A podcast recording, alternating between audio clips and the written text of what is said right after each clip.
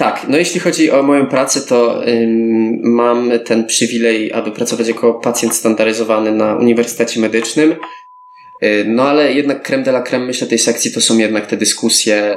Ja tą y, naukę, psychologię i w ogóle naukę osobowości jednak w dużym stopniu wciąż staram się utożsamiać z filozofią i też y, dla mnie ważne jest, żeby te tematy gdzieś tam zostały poruszane. Jak wcześniej w ogóle plucie na mnie, wyzywanie, y, to jest wiadomo, trudne do wytrzymania mhm. na początku, ale jak się to przetrzyma, ta osoba zobaczy, że jakby ciebie to nie, y, jakby nie demotywuje, że dalej chcesz się dowiedzieć, no to te dzieci, y, ta młodzież często, ona tak pęka i potem jest tak niezwykle wdzięczna. Pierwsza zapowiedź tutaj na podcaście, że zapraszamy w środę, chyba 13 E, na spotkanie z doktorem Kutnikiem. Będą informacje, będzie opowiadał trochę o teorii opanowania trwogi.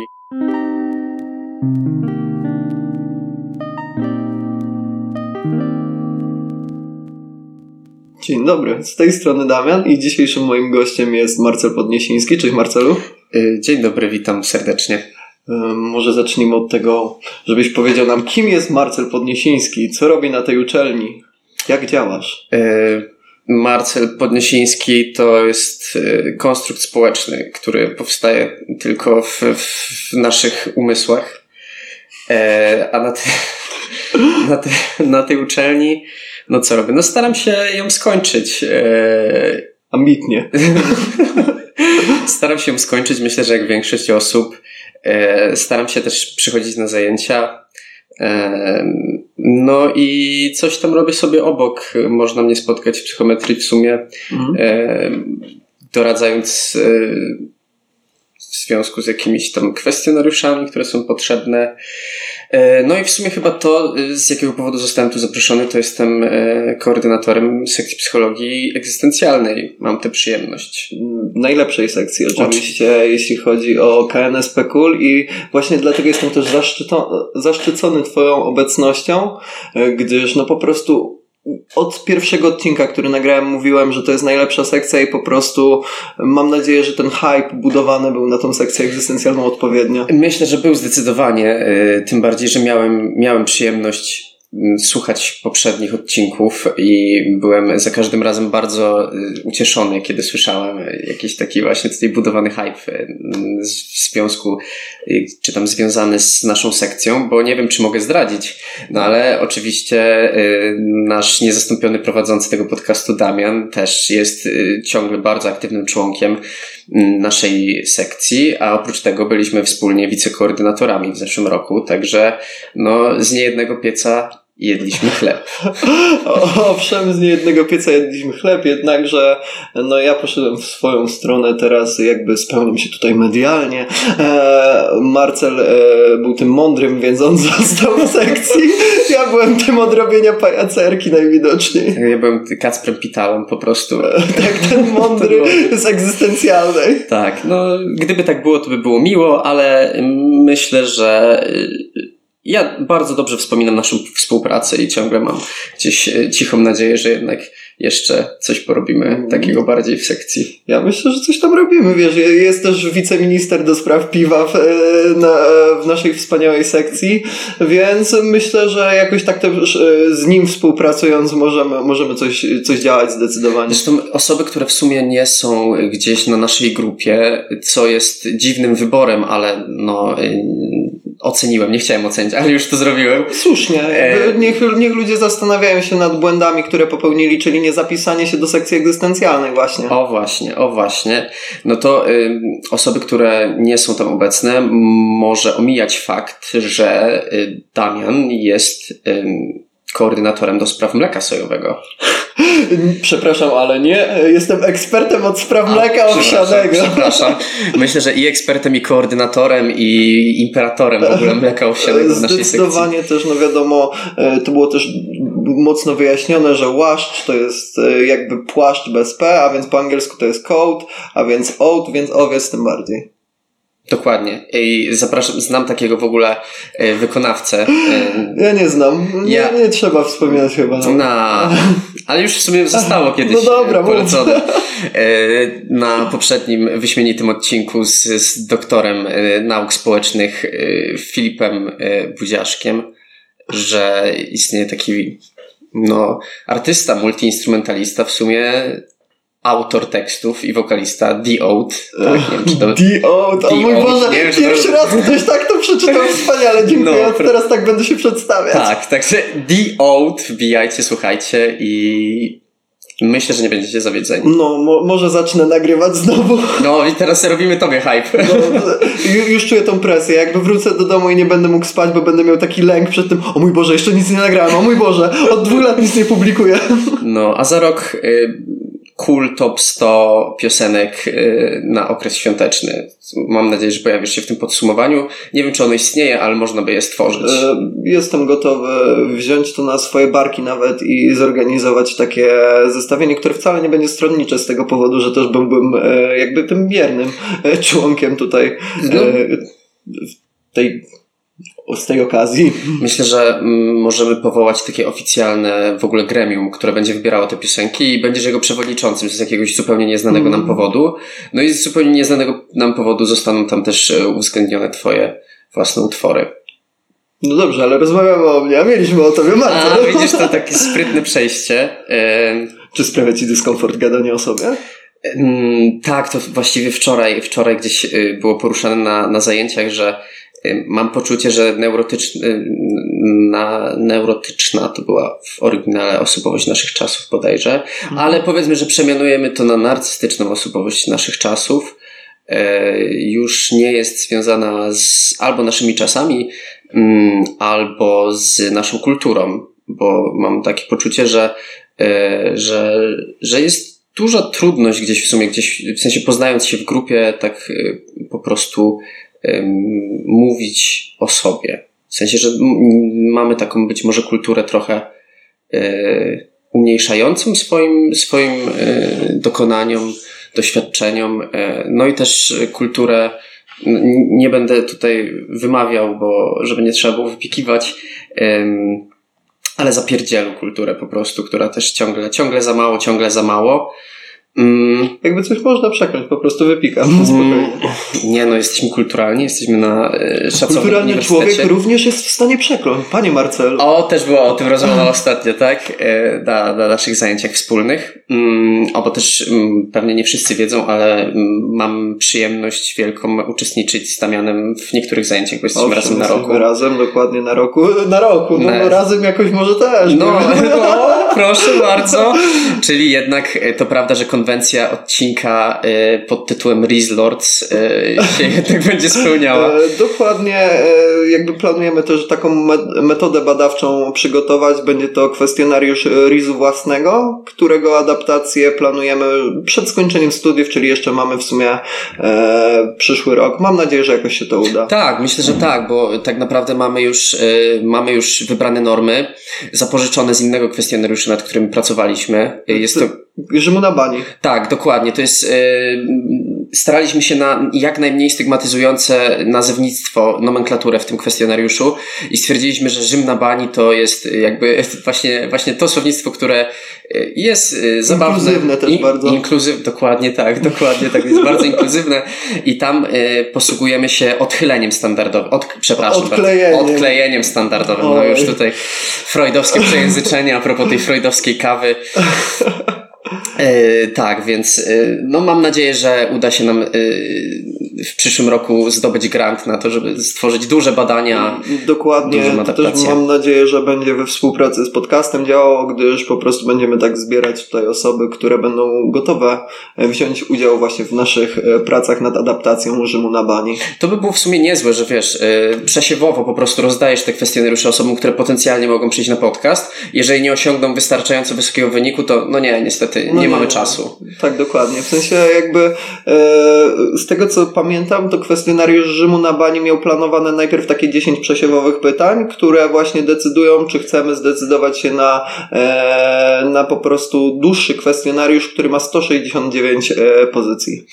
Y no, była, była, taka, była taka możliwość, faktycznie. Ja bo skróciliśmy mówiąc... z tego, co miał 420 pozycji, bo stwierdziliśmy, że tutaj już takie dziwne rzeczy mogą już wychodzić i, i tak 169 też krócej, bo wiadomo, człowiek mniej zmęczony, a też e, poziom Rzymu na bani w naszych hipotezach koreluje z po prostu przemęczeniem, które wychodzi przy takich dłuższych kwestionariuszach. Zgadza się. Ja myślę, że tutaj, ty, Damian, jesteś w tym momencie raczej zdecydowanie większym ekspertem ode mnie w tej dziedzinie, bo no, czasy takiego psychometrycznego i, i ogólnie mierzenia jakichś y, właściwości osobowościowych, cech osobowości w naszym ośrodku badawczym na LSM już niestety dobiegł końca i z przykrością musimy stwierdzić, że na przykład projekt gargantuicznej siódemki nie doszedł E, no niestety nie udało się zaadaptować e, tej metody. Z wielką przykrością, może, może jakieś publikacje e, w związku z tą teorią, mm, ale najpierw musiałaby ona powstać, więc... Dokładnie, ale to też właśnie podobało mi się też w teorii gargantuicznej siódemki, to, że po prostu pomysł na nią wpadł bardzo prosto, że pięć to mało, my będziemy lepsi. Dokładnie tak. Dokładnie. Czemu w ogóle czemu się ograniczać? Dokładnie. Żeby poznawać jednostkowe funkcjonowanie człowieka w sposób jak najbardziej taki e, ideograficzny, no to jednak musimy mieć e, duży repertuar i duży wachlarz e, tych potencjalności, tak, to jest bardzo sprytny sposób na przejście do tematu, który w sobie nas tutaj chyba dzisiaj sprowadził. Myślę, że e, było to smooth, e, a ty jesteś taki smooth operator tutaj no. jako, e, jako fan Carlosa Sainza, jeśli chodzi o tak. Formułę 1, więc po, pozdrowienia dla wszystkich fanów Formuły 1. Pozdrawiamy. Trzymajcie się tam fani Ferrari cały sezon. Ja, ja współczuję. Chociaż no, raz wygrali w tym sezonie. No. I jedyny raz, kiedy to nie był Red Bull. Zdarza się, zdarza się, nawet im, tak? No, ślepej kurze co? Trzeba to, piękna lekcja w sumie życiowa z tego wychodzi, że jeżeli nie próbujemy, to się nie dowiemy. No, mogliby się poddać już po, po straceniu możliwości na, na zdobycie e, tytułu, e, a jednak walczyli dalej. Dokładnie, i... a i tak Mercedes ich w ostatnim wyścigu e, wyprzedził, jeśli chodzi o klasyfikację konstruktorów. Zapraszamy na nasz przyszły podcast o Formule 1, Damian Marcel Racing. Myślę, że już w, przyszłym sezonie właśnie Formuły 1 zaczniemy go po prostu publikować. To się może udać. Teraz lukę w internecie po prostu będziemy po kanale sportowym, w sensie kanał sportowy istnieje, tak, ale, ale, i... ale jaka jest jego jakość? No tak, no integralna część wypadła, więc teraz po prostu my możemy, e, tam chyba Smokowski opowiada o Formule 1. E, tak? Pol. Nie, Pol. Pol. E, jest pole position. Tak, dokładnie, dokładnie. Także, także może jakiś cross no. albo zaproszenie. No. Znaczy myślę, że jakby wiesz, to może być też dla nas nieopłacalne opłacalne, bo jakie zasięgi oni nam przyniosą w porównaniu do tych naszych wybitnych tutaj e, zasięgów. Jeszcze tutaj przekierujemy z KNSP Cool, więc myślę, że... W sumie racja, w sumie racja. No to jeśli by chcieli, to muszą nam sporo zapłacić, żebyśmy no, ich wypromowali trochę w internecie. No dokładnie. W sensie wiesz, tacy mało znani ludzie. Nam tylko zależy na zasięgach, no dlatego na przykład Ciebie zaprosiłem. O, tak, ale to w sumie miłe, że jest założenie, że ja będę zasięgowy. E, no, zobaczymy. Czas pokaże, tak? E, dobrze, ale tak teraz delikatnie już wycofajmy żarty, które wiążą się tutaj z odklejeniem standardowym, które e, zdecydowanie tutaj reprezentujemy tego poranka, gdy to nagrywamy.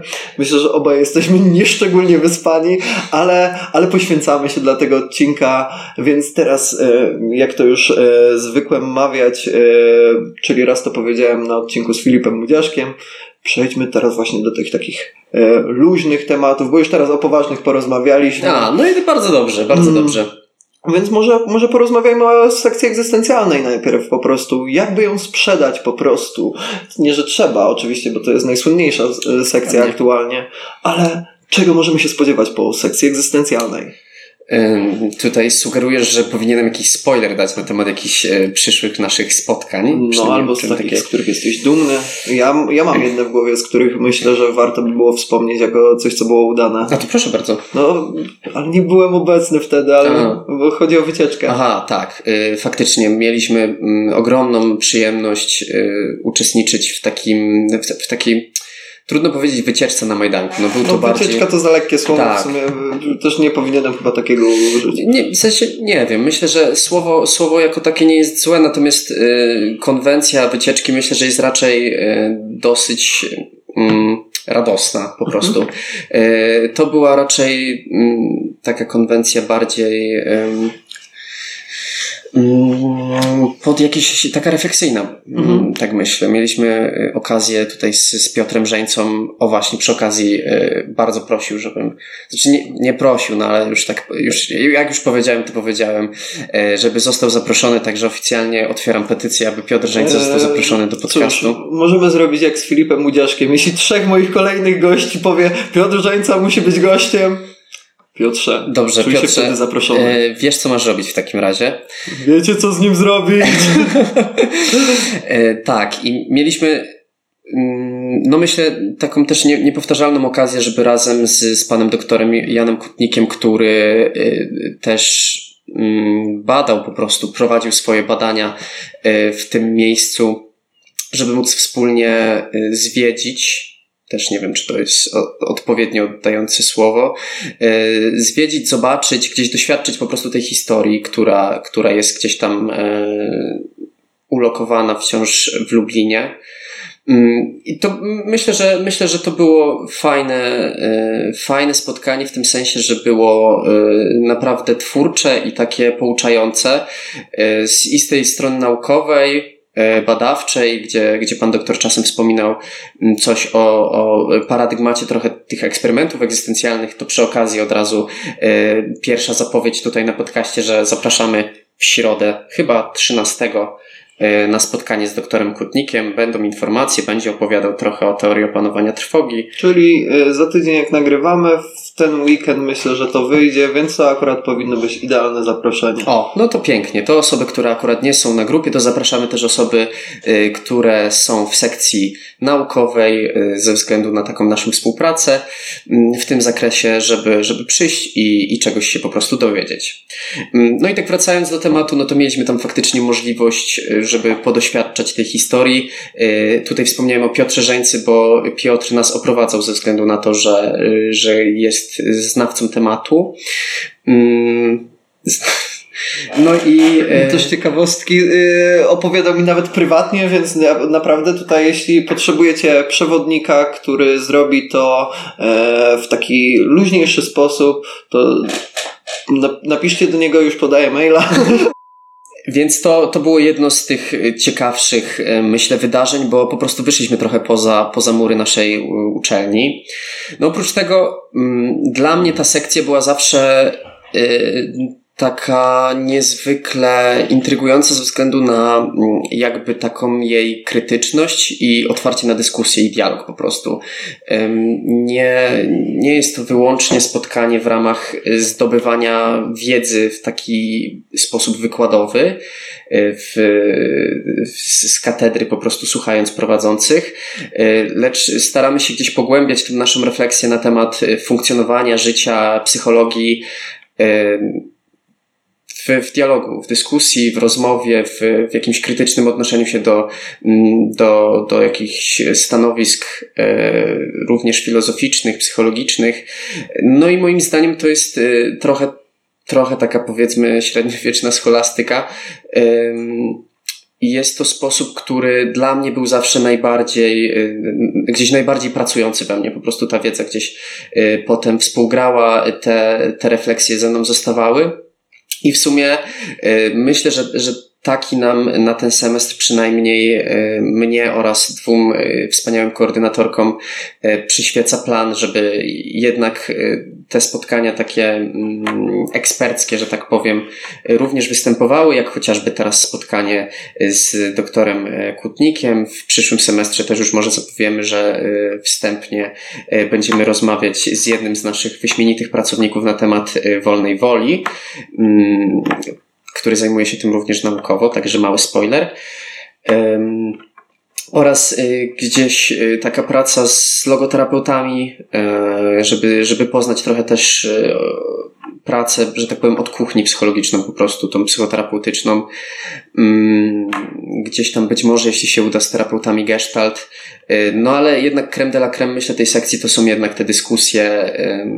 No nawet w sumie analizowanie egzystencjalizmu w tekstach myslowic, czy tak, w tym stylu. Tak, tak. Jakby, e, ja bardzo lubię po prostu taki balans, który jest w tej sekcji, że zarówno mamy te poważniejsze tematy, jak i właśnie dużo miejsca też na luz e, w tym, że i możemy się pośmiać, mimo że to w sumie są też dosyć ciężkie tematy często e, i oglądamy filmy i rozmawiamy o nich, ale właśnie są też poważniejsze jakieś warsztaty, na przykład na podstawie literatury, czy właśnie no, nawet to wprowadzenie do egzystencjalizmu, które prowadziłeś mhm. w tym semestrze. Dokładnie. No tutaj myślę, że Damian też ma tą ciekawą niezwykle perspektywę, bo wcześniej właściwie byłeś prowadzony prowadzącym i sam przygotowywałeś część tych rzeczy, a teraz jesteś odbiorcą, więc to też jest niezwykle cenne, że w sumie tobie się podoba, bo znasz pracę i od kuchni i jakby jako uczestnik, także, także dzięki, dzięki za, za, te, za te słowa. W sumie lepiej przedstawiłeś to, co robimy niż, niż, niż mnie się dotychczas udało. E, no bo nie ukrywam, że jest to e, też takie ujęcie niezwykłe w tej perspektywie, że jest mocno filozoficzne e, i ja też staram się Mm, nie ukrywać, że, że, że jakby ja tą y, naukę, psychologię i w ogóle naukę osobowości jednak w dużym stopniu wciąż staram się utożsamiać z filozofią i też y, dla mnie ważne jest, żeby te tematy gdzieś tam zostały poruszane, bo nad czym niezwykle ubolewam E, filozofii na psychologii jest e, niewiele.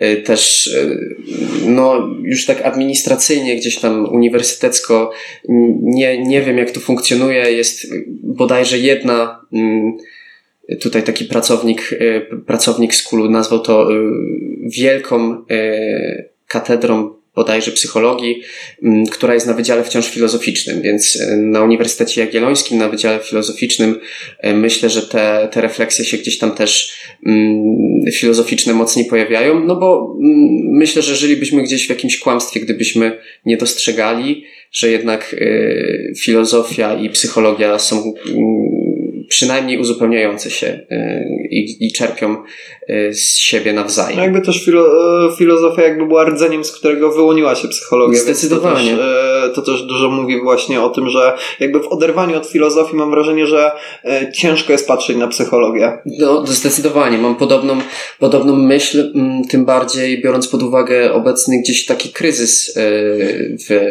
w, w, w nauce kryzys chociażby replikacyjny, czy w ogóle jakieś takie, że powoli kończą się chociażby w psychiatrii możliwości oddziaływań, tak, że nie do końca faktycznie rozumiemy y, polietiologia zaburzeń, y, jest, jest, to wszystko jest tak skomplikowane, że już na, nawet nie do końca rozumiemy, y, dlaczego psychoterapia działa, a Stąd ta, myślę też takie rozeznanie w tej filozofii e, studentów psychologii, chociaż na takim poziomie podstawowym jest niezwykle cenne, bo, bo trochę nie da się uprawiać psychoterapii w oderwaniu od tego, jak postrzegamy człowieka.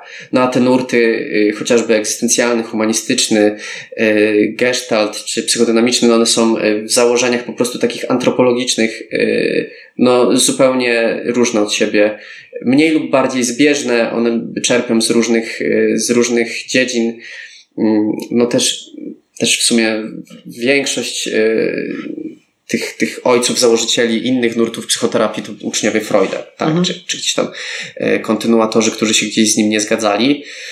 Y, nad tym ubolewam i myślę, że y, dla mnie to też było niezwykle cenne, że mogliśmy sobie trochę o, w ogóle o rozumieniu człowieka y, tak trochę głębiej porozmawiać na tych spotkaniach.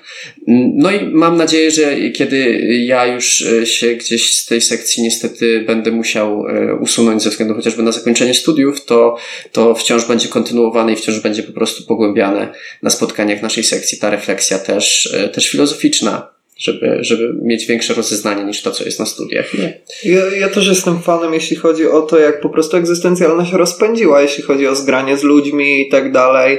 Że już w zeszłym roku mieliśmy taką falę mm, ówczesnych pierwszaków, teraz drugiego roku, e, która przyszła i mega się z nimi zgraliśmy. Teraz kolejna fala przyszła pierwszaków, do tego jeszcze jakaś taka e, nadal współpraca, jeśli chodzi o galę Freudów egzystencjalnej e, z właśnie z aktualiami, że myślę, że po prostu jeśli będzie trzymany ten taki poziom i będą wystarczająco pewne i chętne osoby, żeby działać, to naprawdę Mam wrażenie, że to może być taki pociąg nie do zatrzymania jak z GTA. Tak, jedziemy, nie śpimy. No zdecydowanie. E, mam, mam taką nadzieję, że tak się wydarzy, chociaż nie ukrywam, że y, kiedy była trochę bardziej intymna atmosfera i było mniej osób, no te spotkania też miały więcej um, jakiś takiej, takiego uroku, moim mhm. zdaniem. Jak jeszcze pamiętam, trzy lata temu nawet jak spotykaliśmy się wspólnie i było nas piątka, szóstka na przykład, y, no to te dyskusje też y, szły w, takie, w taką stronę, że, że faktycznie tutaj każdy był zaangażowany,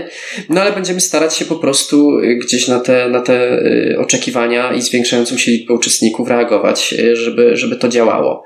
Też w planach są jakieś tam chociażby dyskusje takie bardziej oksfordzkie, no ale też jesteśmy, myślę, sekcją, która jest bardzo otwarta na propozycje i taka, w której gdzieś tam każdy może się porealizować, bo temat jest ciekawy, mam nadzieję, że on zachęca, a, a możliwości chociażby przeprowadzenia samemu jakiegoś takiego wykładu, co nie jest zazwyczaj możliwe w innych sekcjach, moim zdaniem, tak na etapie czwartego roku, piątego roku, e, ale też wcześniej jest niezwykle po prostu uczące, bo to od razu widać, jak dużo na przykład ja jeszcze muszę popracować e, nad, nad przygotowaniem, nad warsztatem, żeby, żeby dobry wywiad po prostu, dobry wywiad, już go się za, za szybko, żeby e, dobry wykład mm, i te treści w sposób zrozumiały przekazać.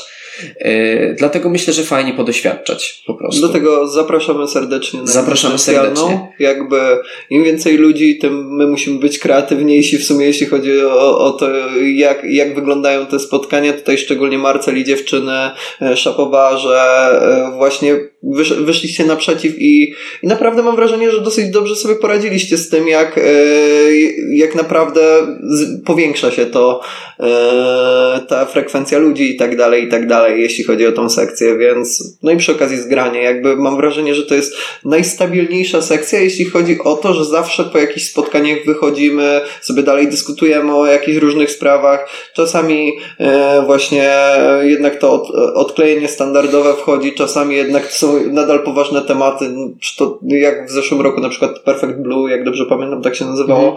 to ja pamiętam, że jeszcze gadaliśmy o tym filmie i, i jakby on długo jeszcze we mnie pracował później później, więc to jest też, e, to jest też fajne, że jakby mam wrażenie, że tam się pojawiają rzeczy, po które normalnie jakoś tak się człowiek nie zastanawia sięgnąć, bo są, są czasami ciężkie i jeszcze w towarzystwie ludzi, jak się e, otwiera na jakąś inną perspektywę, to tym bardziej jest to w stanie więcej refleksji wywołać. Mhm. No, tak w sumie e, tutaj tak spijając już sobie z dzióbków, no to myślę, że to zgranie to też mimo wszystko jest bardzo duża zasługa, znaczy nie mimo wszystko, po prostu jest duża zasługa twoja i Michaliny, bo wspólnie w zeszłym roku organizowaliście Galę Freudów, e, która była no super, tak? Ona była jakby podciągnięta też jako, że pracowaliście w ramach sekcji egzystencjalnej, no to też właściwie sekcja egzystencjalna ją organizowała, chociaż tak naprawdę no to tutaj największe oklaski dla Ciebie i dla, e, dla Michaliny oraz, oraz e, naszych wspaniałych aktorów, bo to było super doświadczenie i też myślę, że ta sekcja jest naprawdę taką fajną sekcją w tym kontekście, że ona wychodzi naprzeciw oczekiwań też nawet takich właśnie twórczych, mhm. muzycznych, e, czego można by się, w sensie ja bym się osobiście słysząc nazwę sekcja psychologii egzystencjalnej nie spodziewał, e, raczej bym się spodziewał smutów, płaczu i, e, i, i... Ale to też jest, na spokojnie. Trochę, tak, trochę też jest. Mm ale, ale faktycznie tutaj jest, to, ta, ta działalność jest taka wielowymiarowa po prostu, co myślę, że jest, że też jest mm. super, super zasługą. Też w sumie Gala Freudów wciągnęła po niektóre osoby właśnie do sekcji. No na tak, przykład Wojtek się zaczął pojawiać -hmm. regularnie teraz na sekcji, więc to naprawdę jest dobry krosik, który wyszedł, o, jeśli chodzi o Galę Freudów i e, właśnie sekcję egzystencjalną. Zdecydowanie. E, no to może już zejdziemy z tematu egzystencjalnej. Rozmawialiśmy o kwestionariuszu Rzymu na bani. E, no to może powiedz mi, czy można taki kwestionariusz będzie wypożyczyć, myślisz, w psychometrii? E, czy w psychometrii będzie wypożyczyć? Będziemy się starać o finansowanie oczywiście ze strony władz naszego uniwersytetu, gdyż wiadomo, trudno rozporządza się pieniędzmi. Jeżeli, jeżeli będą takie środki, no to, to być może się uda. E, no, e, a jeśli chodzi o psychometrię, bo rozumiem, że Dokładnie jest do tego chciałem przejść. przejście, e, no to tak, mam przyjemność współpracować razem z, z panią magister Izabelą Szymczak na praktykach ponad, nadobowiązkowych w pracowni psychometrycznej. Mm, doświadczenie naprawdę bardzo, bardzo fajne i ja w ogóle tutaj z całego serca wiem, że Piotr Artysiewicz już, y, już, już zachęcał ze swojej strony, żeby się angażować, mm, ale ja powtórzę, za nim, bo myślę, że jest tutaj autorytetem e, w kontekście angażowania się na uczelni, e, że takie też praktyki ponadobowiązkowe, czy w laboratoriach, czy, czy w pracowni psychometrycznej, czy w ogóle gdzieś tutaj w, w czytelniach, w bibliotece, to są naprawdę fajne doświadczenia. Jest wpis do CV, widać od razu, że jest się aktywnym studentem. Ale wracając, w pracowni psychometrycznej odkryłem, tak, i nie wiem, to jest jakiś chyba test, y, trudno mi powiedzieć, z lat 50. i on polega na tym, że kręci się taką wajchą i są dwie zębatki i jakby jak się kręci, to uderza młoteczek. I ja byłem tak zachwycony, po prostu przez 10 minut siedziałem i y, próbowałem złożyć ten, y, ten, ten test, nie wiem, test, no to, to jakąś pomoc właściwie testową. Także też można sobie naprawdę odkryć kawał historii w sumie u nas w psychometrii. Jeśli ktoś jest zainteresowany, to naprawdę niesamowite znaleziska, chociażby profesora. Tutaj nagranie uszkodziło się, mowa dalej jest o profesorze Olesiu na maszynie. E, Właśnie latach, do tego miałem nawiązać. Tak, w latach 80., e, pod koniec chyba lat 80., na początku lat 90., jeszcze pan e, profesor jako pan doktor e, opisywali jakieś pierwsze swoje e, w ogóle próby opisu skal wacelu i, i zastosowania ich bardziej jakościowo. Także no naprawdę e, zbiory mamy niesamowite, tylko trzeba się przez to przebić, bo jest dużo. Dokładnie. Ja pamiętam, że właśnie jakieś metody szukałem e, pisząc proseminarium i nie byłem w stanie znaleźć metody do badania. Już nie pamiętam jakiej zmiennej, więc już sobie odpuścimy to, ale znalazłem jakiś właśnie stary, yy, stary kwestionariusz, który był maszynopisem i ja miałem taki wow, i, to, no. i ludzie tak żyli. Tak, tak, zdecydowanie. A, no, jakby nie patrzeć na, na naszym uniwersytecie, yy, pracownia psychometryczna ma yy, no jakby ma pewną renomę w tym kontekście, że, że była naprawdę wcześnie założona, tak? I, I wiele dzięki naszej wspaniałej pani profesor świętej pamięci E, wiele tych metod mogło w ogóle do Polski trafić, gdzieś tam zostać zaadaptowanych. E, I, I dzisiaj można gdzieś tam e, w kuluarach sobie pooglądać te, te, te oryginały, że tak powiem. Więc to też jest fajne doświadczenie. Więc warto, warto szperać, bo w każdym zakamarku myślę, że tutaj w naszym, na naszym pokoju izbie e, koła. Loży. Loży, tak. Też by się znalazły jakieś e, perełki, jeśli chodzi o, o, o psychologię polską. Zdecydowanie, no nawet e, w kwestii psychologii polskiej tutaj co możemy dostrzec w kole, to jest zdjęcie aktualia 2000, które, na które uwielbiam patrzeć, jak tak. jestem w kole. Jest to, no, robi, robi mood.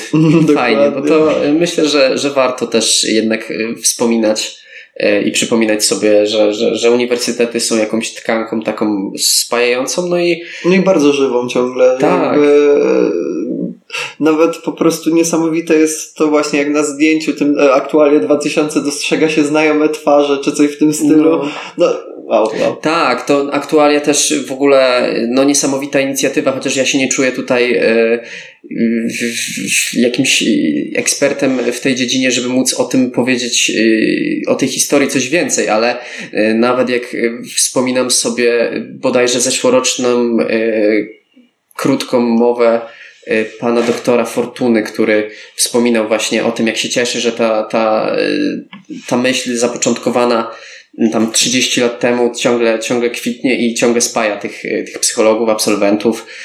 No i to jest niesamowite, że też pamiętamy jednak, nie, o tej alma mater i że wracamy gdzieś wspomnieniami i można się spotkać super inicjatywa też. Także tutaj brawo dla wszystkich organizatorów szkoły.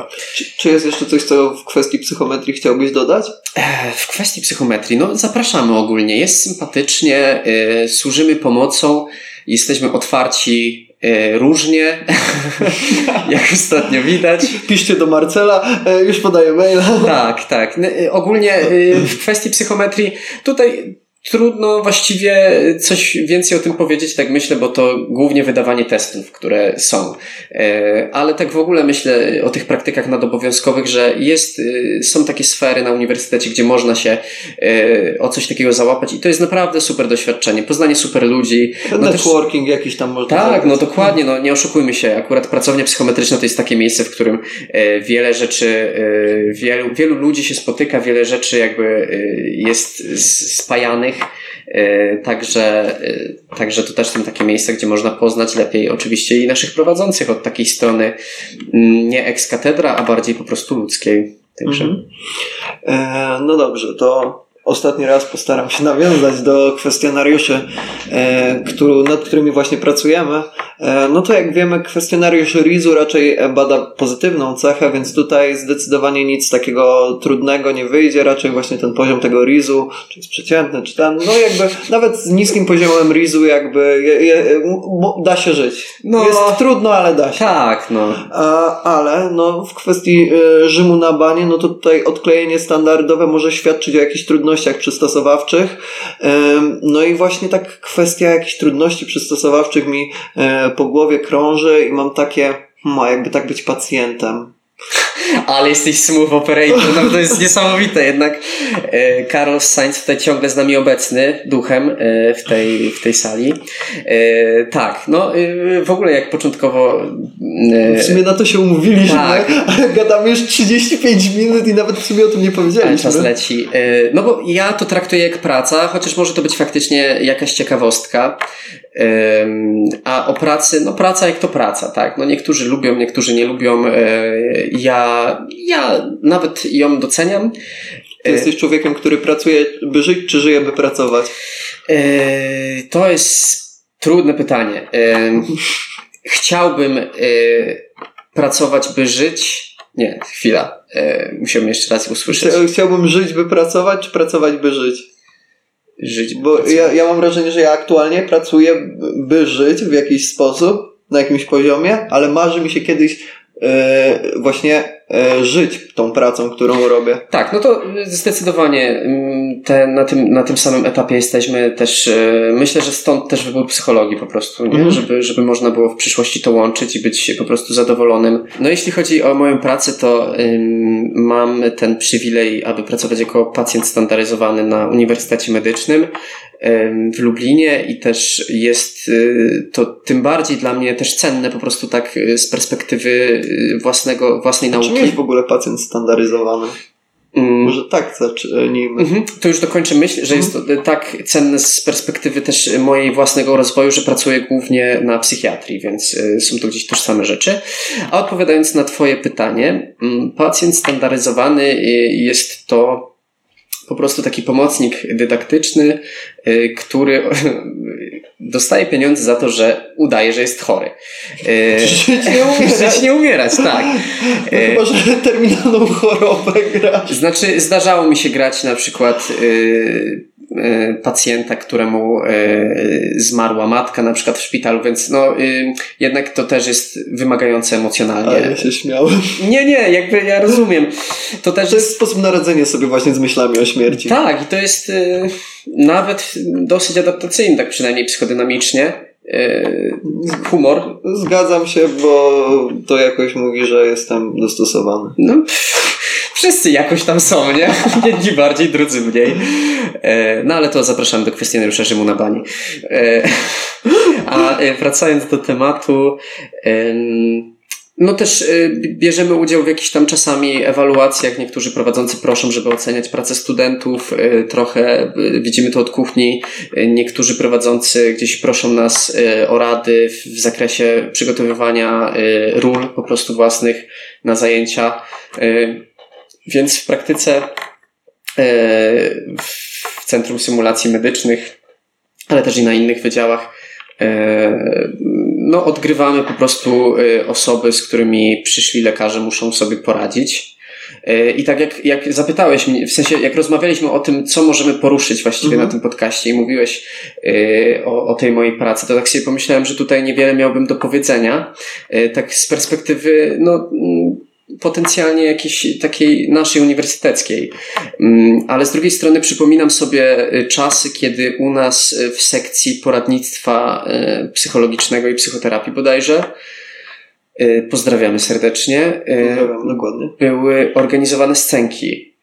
I tak sobie myślę, że tak dla studentów medycyny, no to jest nieodzowna gdzieś tam część też ich pracy, żeby się spotkać na początku nie z pacjentami, ale w takich warunkach trochę bezpiecznych, gdzieś tam symulujących, chociaż wiadomo, symulacja też ma jakieś tam swoje ograniczenia i, i też może prowadzić do, mm, do pewnego wypaczenia y, patrzenia jednak na, na, y, na to, jak to wygląda. No bo tam wszystko musi być szybko. No, w mhm. praktyce podanie leków uspokajających y, mm, w, w, gdzieś tam na, na sorze, no, nie spowoduje, że w ciągu trzech minut po prostu osoba się uspokoi albo uśnie. No tak, ale jakby wydaje mi się, że taka scena jest ważna, żeby nie być, nie wiem, jakimś psychiatrą, ko- kolejnym psychiatrą, który Xanax przepisuje po prostu od ręki. To też, to też, chociaż no, widać tutaj zdecydowanie różnicę y, gdzieś tam tego podejścia medycznego, psychiatrycznego i, i psychologicznego, to tutaj nie, no, nie, da się, nie da się zaprzeczyć, że te formy oddziaływań są są inne, no nie są tożsame, ale też e, myślę, że to w ogóle idzie teraz w taką stronę, że wielu psychiatrów i Polskie Towarzystwo Psychiatryczne gdzieś e, trzyma pieczę nad, nad jakością kształcenia psychoterapeutów, bo po prostu psychiatrom E, już trochę farmakoterapia nie wystarcza, nie? I że mhm. jednak to spotkanie z drugim człowiekiem, ta rozmowa, ta autentyczna relacja jest e, czymś, co albo wspomaga leczenie, albo, albo leczy No tak, czasami nie? to jest jednak praca nad osobowością, a niekoniecznie ten, no wiadomo, jakby też w drugą stronę, jeśli pojawia się problem, który jest stricte natury, nie wiem, na przykład tarczyca czy cokolwiek, no to jakby to, to sama psychoterapia nie pomoże. Nie? Tak, zdecydowanie, no tam, e, tam jednak jest to no, nastawione stricte medycznie. Nie nie wiem, czy studenci psychologii e, będą mieli możliwość na Uniwersytecie Medycznym e, też brania udziału w symulacjach. E, no, ale właśnie mam taką refleksję, że, że mnie na przykład bardzo brakuje tych spotkań scenkowych, bo to mm, dobrze jest się przełamać po prostu jeszcze w momencie faktycznie w bezpiecznej strefie, w takiej, w której dostanie się informację zwrotną, w której twoje, twoje uczucia, gdzieś tam to, to, to, to, nie wiem, to nazwijmy to przeciwprzeniesienie, tak, e, już psychodynamicznie, mm, gdzie, gdzie nie musimy jakoś tak e, bardzo się na tym skupiać, tylko to jest bardziej kwestia e, wyjścia ze strefy komfortu, przejścia przez lęk, przejścia przez, przez ten stres, żeby on się jednak stał jakimś takim mobilizującym stresem, eustresem. I, I to jest, no, myślę, niezwykle cenne też tak w naszej pracy, więc z mojej strony apeluję, abyśmy wrócili do e, formatu. Tutaj proszę serdecznie sekcję e, poradnictwa, mm, że w miarę, w miarę możliwości, żeby do tego wrócić, bo też widzę po prostu, jak student, dla studentów to jest cenne. Nie? Zgadzam się totalnie. Jakby moje ulubione rzeczy, które wspominam z e, tych studiów, jeśli chodzi po prostu o sam proces dydaktyczny, to są w sumie scenki. Mhm. Zresztą, no, jakby mam wrażenie, wrażenie, że jest to praca z człowiekiem o bardzo, która wiąże się z dużym ryzykiem, bo jakby okej, okay, możesz kogoś rozłożyć na kawałki, no ale później trzeba też poskładać tą osobę, czy wiedzieć na ile rozłożyć, żeby, żeby się nie rozsypała ta osoba. No i na, na tych scenkach w sumie się z tą presją jakoś walczy, przynajmniej takie ja mam wrażenie i mam wrażenie, że też trzeba mieć jakąś osobowość, więc mnie mega wkurza, jak y, jest scenka do odegrania i ludzie się nie zgłaszają i później mm. mam takie no dobrze, ale wy chcecie być psychologami, będziecie się kontaktować z drugim człowiekiem, jakby tak, będziecie czuć lęk. Lęk jest przystosowawczy w ogóle, ale, ale no trzeba kurde działać, bo później zmiecie was z planszy po prostu sytuacja, że przyjdzie do was ktoś i wy lęk czuje. No mm. jakby w sensie tak, czujemy wszyscy lęk. Jak nie czujesz, to prawdopodobnie co, coś, coś mogło się w pewnym momencie wydarzyć, że to nie jest, to nie jest okej. Okay. Przynajmniej ja mam takie wrażenie. E, zgadzam się, myślę, w dużej części. To znaczy, ja też rozumiem jakby dodatkową taką ekspozycję po prostu społeczną. Tak, jak mm -hmm. jesteś sam na sam, no te problemy też są inne. No nie oszukujmy się. E, w pracy gabinetowej e, ja nie wiem, też nie pracuję gabinetowo, więc to jest takie e, trochę e, słynna rozmowa z butem. słynna rozmowa kogo? Już sam się wypikałem. E, no, trudno, trudno mi e, w ten sposób to jakoś tam e, tak określić, tak? E, gdzieś tam no, bywały sytuacje, że, że, że gdzieś bardziej w takiej rozmowie, w takich sytuacjach jeden na jeden, czy jakieś takie wsparciowe miałem okazję prowadzić rozmowy, czy, czy w ogóle jakieś takie spotkania, więc wydaje mi się, że troszeczkę, bardzo niewiele, ale troszeczkę liznąłem. No i po prostu jakby no, są inne stresory trochę. E, no tak, owszem, są inne stresory, jakby też e, wiem, że na przykład przez, przez szkołę, przynajmniej według mnie, przez szkołę boimy się tej ekspozycji, no bo jakby system u nas tak działa, że często to się kończyło, no przepraszam za wyrażenie, ale z... Mhm. pewnie wypikam to, e, ale no i jakby boimy się później, że znowu będziemy oceniani w negatywny sposób, ale no, mam wrażenie, że trzeba to jakoś przełamać, trzeba wziąć udział w tych scenkach i tak dalej, bo to jakoś też otwiera nam sytuację, że z boku patrząc na coś możemy mieć takie, no ja bym się zachował w taki sposób, ale gdy przychodzi do Was sytuacja, kiedy y, szybko musicie się zastanowić, jak zareagować, czy właśnie nawet pozwolić sobie na ciszę, gdy gracie tą scenkę, żeby chwilę się zastanowić, czy coś w tym stylu i żeby to brzmiało naturalnie, no to właśnie po to mam wrażenie są te scenki. Jakby też w dobry sposób można oceniać się po scenkach, eee, co też pamiętam eee, z, zajęć z treningu tego psychoterapeutycznego, jakoś mhm. tak się ten przedmiot nazywa, że jakby nie chodziło o to, żebyśmy się oceniali w jakiś sposób, nawet pozytywny, tylko żebyśmy porozmawiali o tym, jak to wyglądało, e, jak się czuliśmy w tych rolach i tak dalej, jak, jak no, zupełnie inny charakter niż jesteśmy przyzwyczajeni przez cały ten, e, całą naszą edukację do tej pory, więc jakby mam wrażenie, gdyby częściej w taki sposób to wyglądało, to mniej tych lęków by się pojawiało przed takimi scenkami, bo z mhm. reguły boimy się tego, że po prostu podejdziemy do tablicy i będzie, no, Kowalski, ty to znowu, nic z ciebie nie wyrośnie, czy coś w tym mhm. stylu. No, no przykro. No tutaj absolutnie tak. Ja myślę, że to faktycznie to doświadczanie jest niezwykle ważne dla mnie, dla mnie też. Y, y, z czasem dopiero y, zacząłem rozumieć. No to też, też, też tutaj sobie trzeba dać przestrzeń na to, że gdzieś tam dojrzewamy do tego, nie? Z czasem sobie zacząłem dawać przestrzeń, żeby, żeby w tych spotkaniach scenkowych bardziej brać udział. No i to jest doświadczenie niezwykłe, bo to faktycznie mm, no, no to jest jakby ta pierwsza linia, nie? Możemy się obwarować, myślę, wiedzą, e, przeczytać miliard podręczników, ale ostatecznie, jeżeli chcemy pracować pomocowo, tak, jeden do jeden, czy tam w kontakcie jakimś takim e, bardziej terapeutycznym, systemowym, e, rodzin, par, no to, to jednak te umiejętności miękkie trzeba szlifować. No i mhm. przede wszystkim przygotować się na tą ekspozycję. A tak sobie też myślę a propos tej mojej pracy, że, że ludzie robią to po prostu w ramach zaliczeń przez kilka lat, trzy lata, cztery lata w czasie studiów i y, naprawdę ten lęk y, da się go okiełznać. Wiadomo, on cały czas jest na jakimś tam poziomie. Y, podejrzewam, że dla wielu osób on nigdy nie będzie do, do przeskoczenia. Mm, zresztą to może i Ale lepiej. Ale też nie o to chodzi chyba, bo mam wrażenie, że po prostu robiąc coś nowego, poznając nowych ludzi, to po prostu ten lęk się pojawia. Ja też pamiętam siebie przy pierwszych scenkach. Może ja jestem też głośniejszą osobą i w ogóle, ale przy pierwszych scenkach no ja po prostu naprawdę byłem zestresowany, mhm. że miałem takie, żeby się nie zbłaźnić no tak, i tak dalej. Tak. Ale z drugiej strony, jeśli jesteś w bezpiecznym settingu, to nawet jeśli się zbłaźnisz, to nikt ci nie powie, że się zbłaźniłeś, tylko po prostu dostaniesz y, konstruktywne uwagi wobec tego. Mhm. Więc to jest znacząca różnica. Pewnie. Ja, y, to jest takie znamienne dla mnie było, jak y, jeden taki y, lubelski psycholog, zresztą dawniej pracownik Kulu, tutaj pozdrawiam serdecznie, chociaż pewnie nie będzie tego słuchał, ale powiedział, że każdy psycholog i psychoterapeuta ma swój taki osobisty cmentarzyk, po prostu sytuacji, kiedy sam czuje, że nie umiał, nie, nie, nie dowiózł po prostu tego, co, co miał dowieść, e, że, że nie dał sobie rady, że to było zbyt trudne, za mało przygotowania.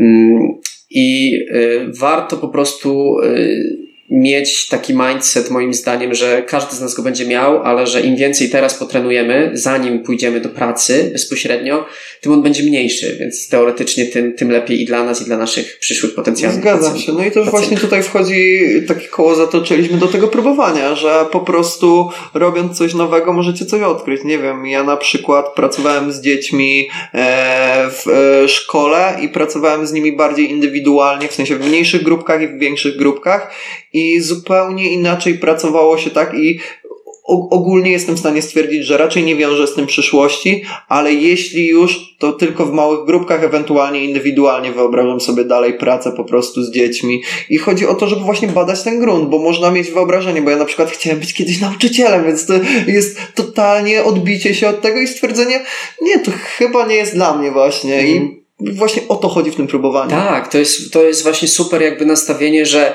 jakie to, jaka to jest cenna lekcja dla mnie, tak, że ja wiem, że tego nie chcę robić. Dokładnie. Nie, nie, chodzi o to, żeby wiedzieć, co chcesz, chodzi o to, żeby się dowiedzieć, czego nie chcesz. Tak, tak. No to jest po prostu też jakaś droga eliminacji, nie? Nie, nie zawsze trafimy na to, co od razu nam się spodoba, ale przynajmniej wiemy, że tego na pewno nie chcę robić, tak? Ja też mam wrażenie, że w życiu nie da się dojść do ostatecznego takiego wniosku, że wiem, co chcę. Jakby mam wrażenie, że po prostu tych możliwości jest na tyle dużo w, ka e, w każdym życiu, że jeśli jest się na pewnym st stopniu świadomości, to raczej chodzi o to, żeby wiedzieć, co nam nam sprawia przyjemność i wybrać konkretną rzecz, żeby w tym się pospełniać, później ewentualnie jak nas to wypali, to zmienić to, nie wiem, mo, może teraz się po prostu mądrze, ale, ale ważniejsze według mnie jest to, żeby wiedzieć, czego się nie chce, niż to, czego się chce, bo to, czego chcemy, może się często i gęsto zmieniać. Mhm. Ja uważam, że ta twoja perspektywa jest w ogóle też niezwykle cenna, bo tak, że się mądrzesz, tak się oceniłeś.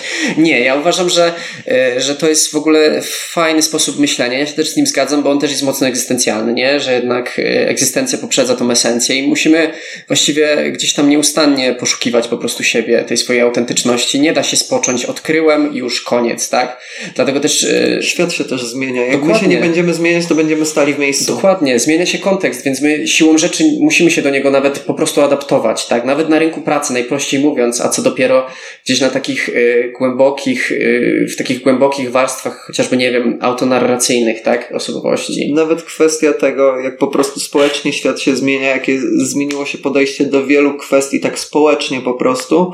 I jeśli byśmy osiedli na przykład na wiedzę z lat 80., 90., czy nawet sprzed 10 lat, to jak zupełnie inaczej byśmy patrzyli na człowieka jako przyszły psycholog, jeśli nie będziemy aktualizować tej no, wiedzy. Zdecydowanie, zdecydowanie. no i to jest właśnie też jakiś plus i minus jednocześnie, mm -hmm. bo plus jest taki, że właśnie dzięki temu, że jest się na czasie, bardziej jesteś w stanie komuś pomóc, a minus jest taki, że ciągle musisz pracować i żeby poszerzać te swoje kompetencje. No. Chociaż jak lubisz to robić, to mam wrażenie, że chcesz to po prostu robić. Tak, to znaczy to, to wyważenie jest y, też nie, niezwykle trudne i myślę, że to y, już jak akurat pójdziemy do pracy, to się z tym y, jakoś wszyscy niestety, stety bądź niestety będziemy musieli zmierzyć. E, też tak sobie myślę, że mm, e, że wypadła mi myśl z głowy. E, więc e, już sobie nie myślę. A, no rozumiem. Kwestionariusz Rzymu na banie tak, jednak dokładnie, powrócił. Dokładnie tak, dokładnie tak. Jakby ja tak w sumie w, w ciągu tej wypowiedzi pomyślałem sobie, jak tak rozmawialiśmy o tej autentyczności, no to kwestionariusz je, e, jeszcze e, po prostu jakiegoś egzystencjalizmu na bani można by o, rozkminić. prawda, prawda. Tym bardziej, że no jesteśmy na uniwersytecie, na którym jakby nie patrzeć w Polsce, no jest niezwykle ważny dla tej perspektywy, tak? Y, ksiądz y, profesor Popielski, chociażby tutaj y, jako logoterapeuta.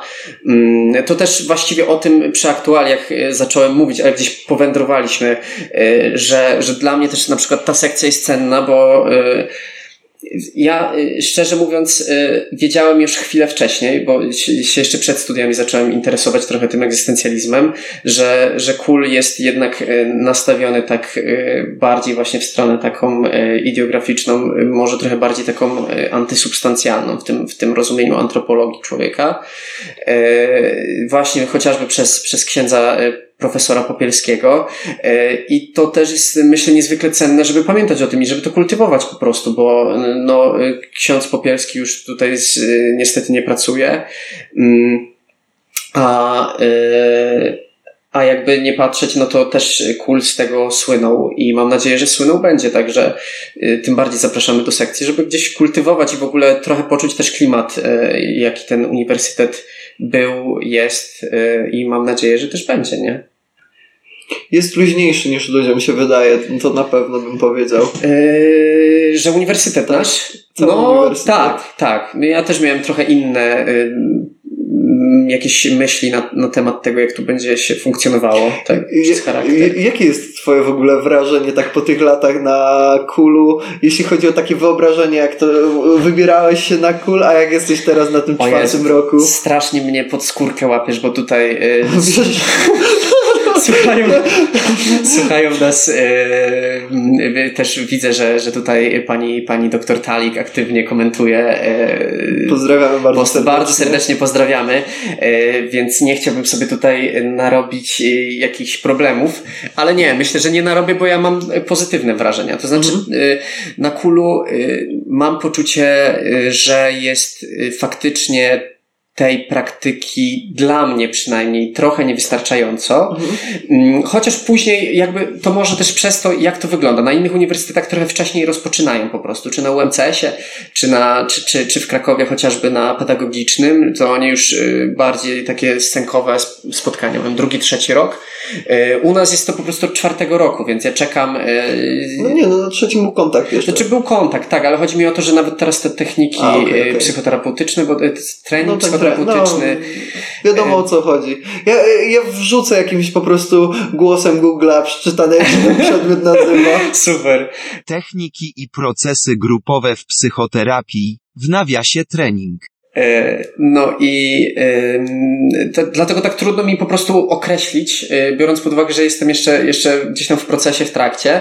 E, dla mnie, no, ja jestem trochę bardziej tak z zainteresowania osobowościowo nastawiony, więc, więc pod tym kątem, no to absolutnie cool spełnia i nawet przewyższa, jeśli chodzi o tok nauczania, te, te moje potrzeby w, w tej perspektywie takiej po prostu wiedzy, mhm. dobrej, jak, do, dobra wiedza, dobra jakaś tam sprawdzona, y, aktualna wiedza, y, czy z zakresu psychologii klinicznej, czy w ogóle. Dlatego, dlatego ja się cieszę, bo, y, bo znam osoby, które y, na swoich studiach psychologicznych jeszcze korzystają y, z, z podręczników, tych y, podręczników akademickich trzytomowych, które są już trochę zdezaktualizowane.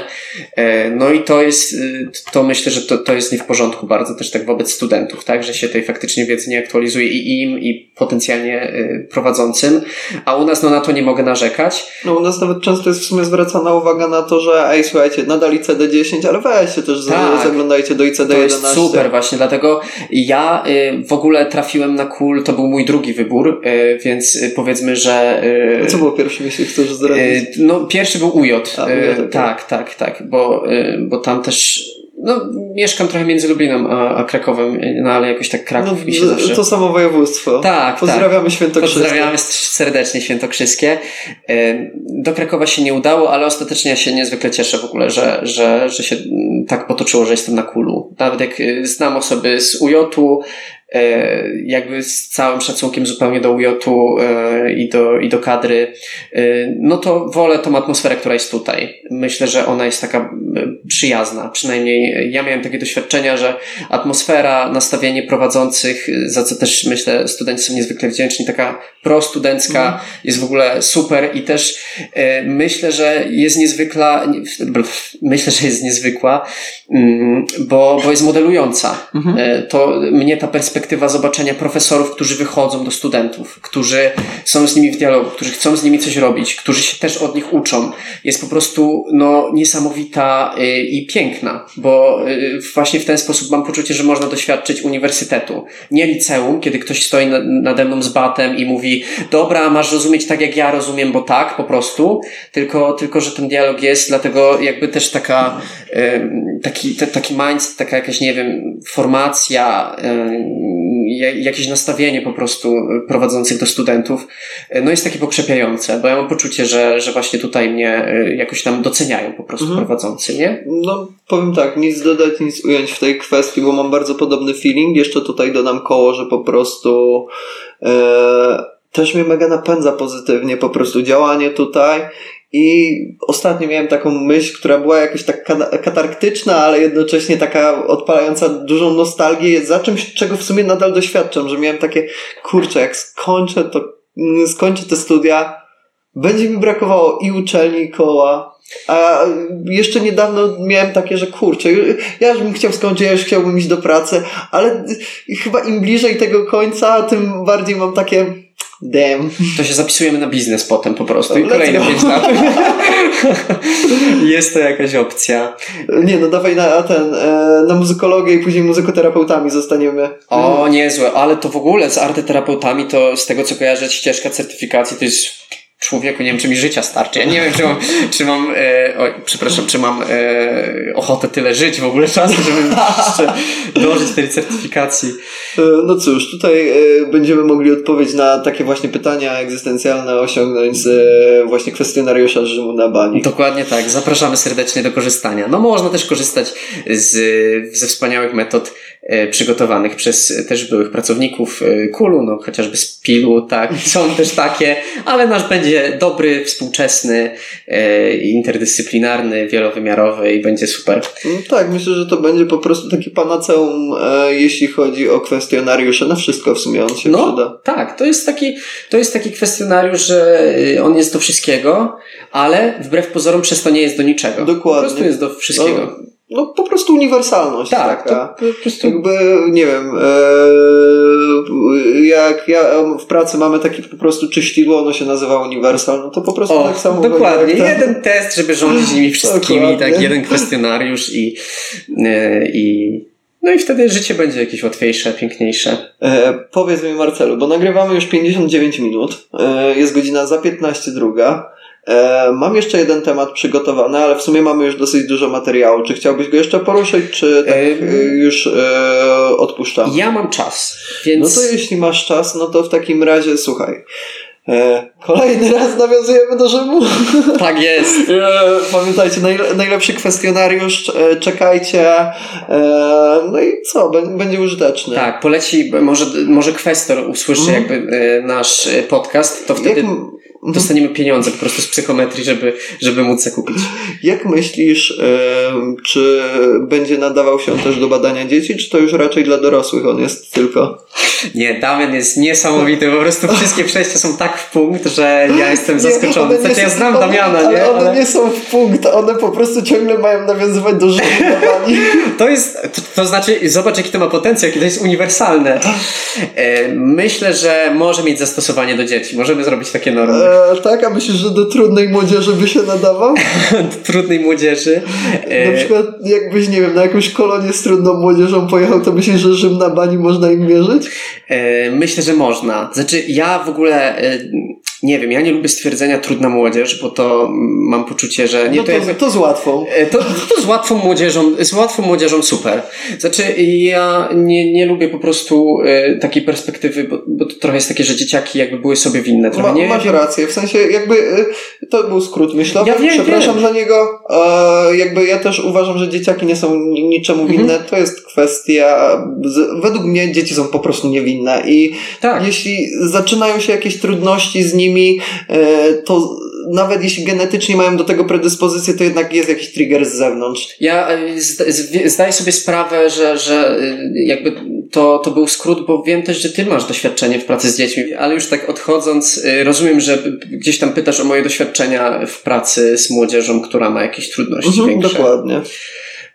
Znaczy ja y, no to tutaj muszę jakiś chyba chwilę kontekstu wrzucić, bo ja od, y, od dawna, dawna, dawna w sumie pracuję z dzieciakami. I też harcerstwo. E, tak, też harcerstwo i to też w tym kontekście, że po prostu jestem z malutkiej miejscowości i tam nie było co robić, więc jak y, nie chciało się siedzieć w domu, mm, no to był, był wolontariat. Jak już się miało tam te lat 12 czy 13, to już się nie uczęszczało na świetlicę jako uczestnik, tylko się już chodziło jako wolontariusz, więc jakoś to było takie naturalne przejście, mniej więcej w tym samym czasie zostałem harcerzem i tak jakoś do dzisiaj sobie się jakoś tam w tym harcerstwie tułam, raczej tak staram się wspierać.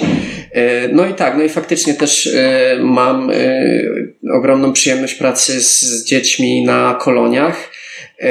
I też mam takie doświadczenie pracy z dziećmi, które są z domów dziecka, MOS-ów, MOW-ów, więc no coś nie coś tam, parafrazując słynny mem, coś nie coś tam wiem. No dobrze.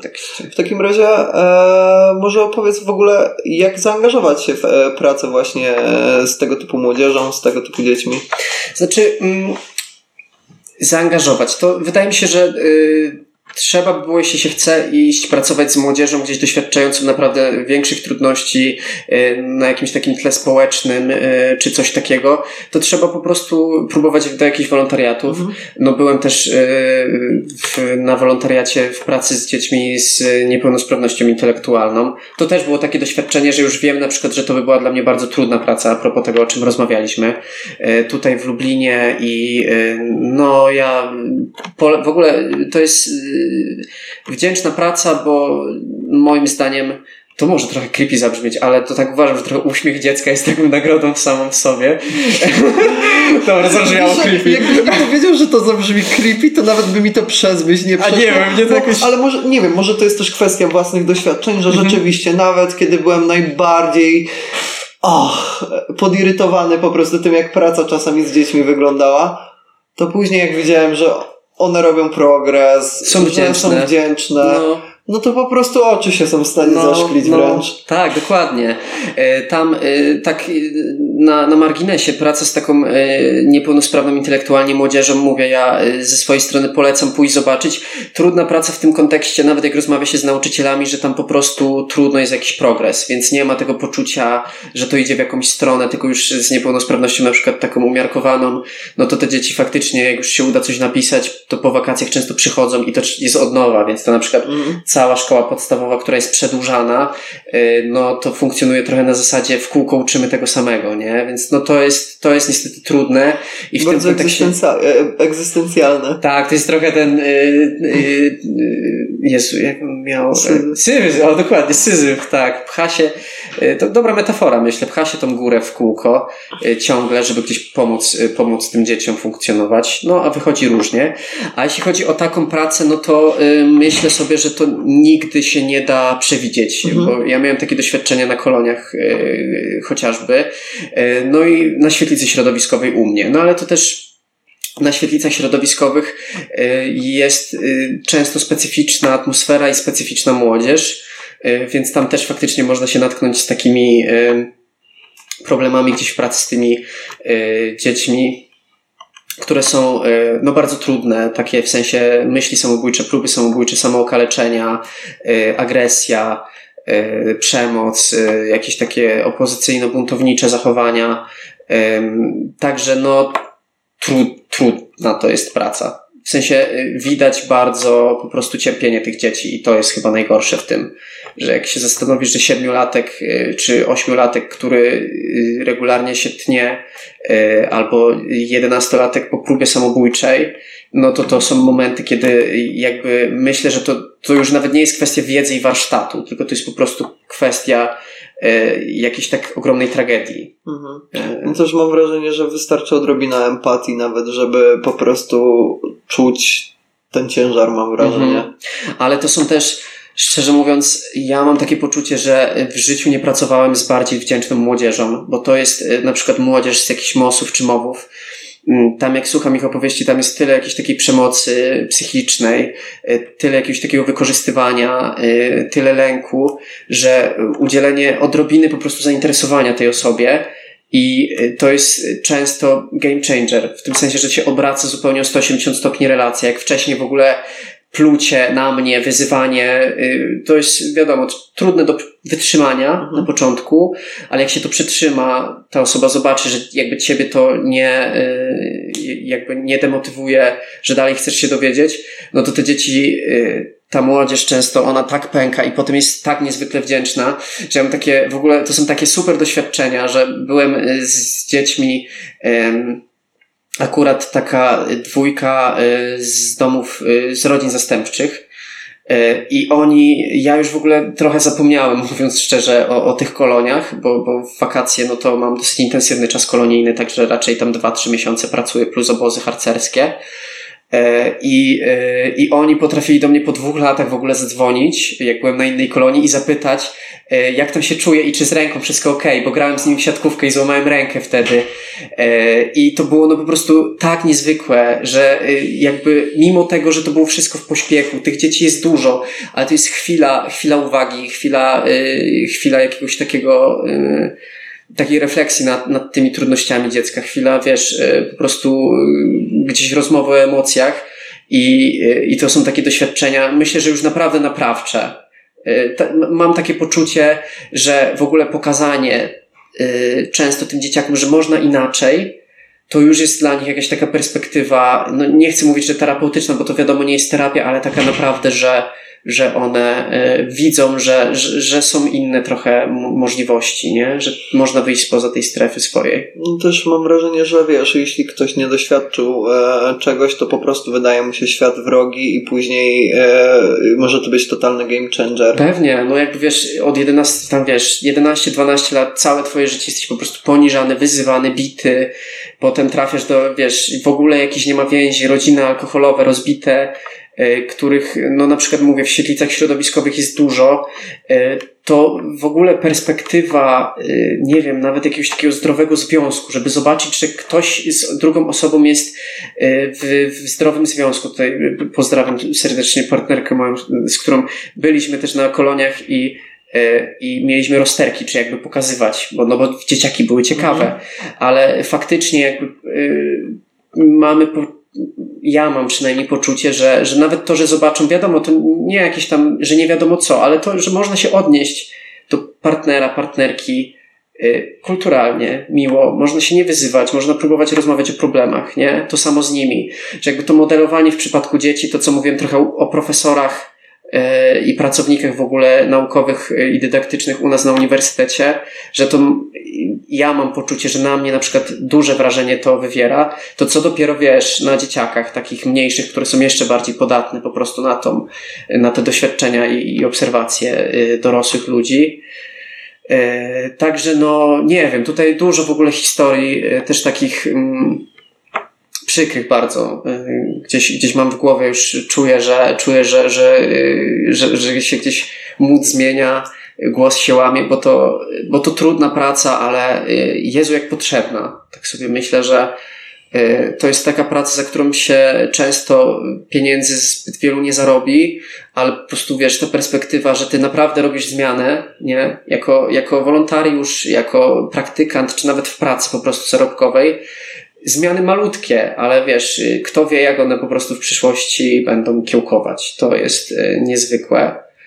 Y, no i też tutaj w ogóle ta perspektywa egzystencjalna, wbrew pozorom, trochę takiej pracy na wartościach już z taką późną, późną młodzieżą, 17-16 lat, ona naprawdę też mam poczucie, że zaczyna, zaczyna mieć, mieć jakieś przełożenie, że zaczyna gdzieś tam powoli, można tym trochę popracować może nie tak jakoś bardzo terapeutycznie, ale wsparciowo na pewno.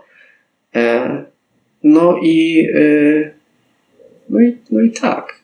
no i tak. Nie, no, jakby szczerze powiedziawszy, mam wrażenie, że nie, e, nie, nie będę już dopytywał o jakieś szczegóły, bo też mam wrażenie, że to dosyć intymne. Mhm. Ale po prostu mam wrażenie, że od razu mód się zmienił, więc e, więc wow.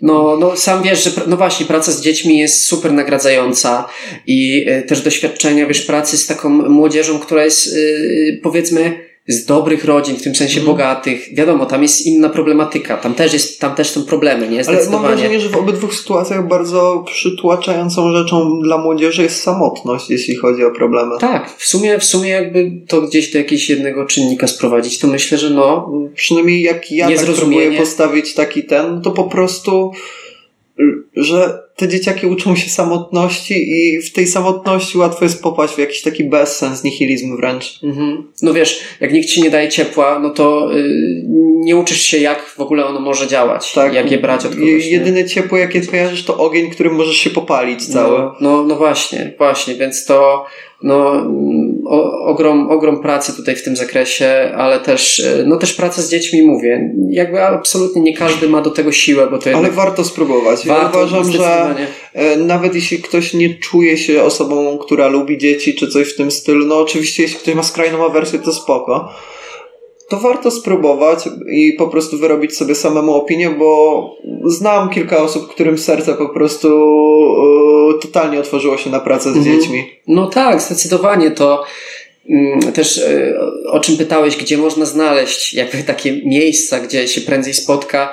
Ja mam poczucie, że to w ogóle nie jest zależne od miejsca. W Mhm. sensie wiadomo, w niektórych miejscach po prostu się gromadzi dzieci, które z założenia prawdopodobnie będą miały jakieś takie problemy, e, przynajmniej na zewnątrz, e, większe.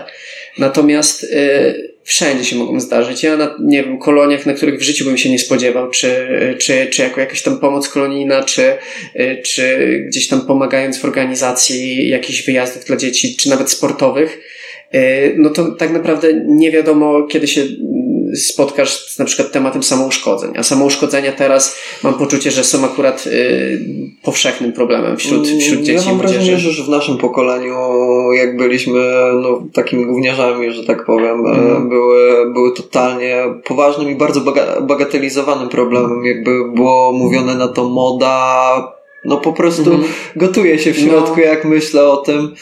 E, no, prawda jest taka, że no właśnie zakazując komuś to robić, to wcale, wcale się ta osoba nagle nie przestanie, tylko zacznie to robić w miejscach na przykład, gdzie nie dostanie za to chrzanu, że jest widoczne cięcie, tylko na przykład, nie wiem, po prostu nie, na udach na przykład, czy Ale coś też się zacznie ciąć.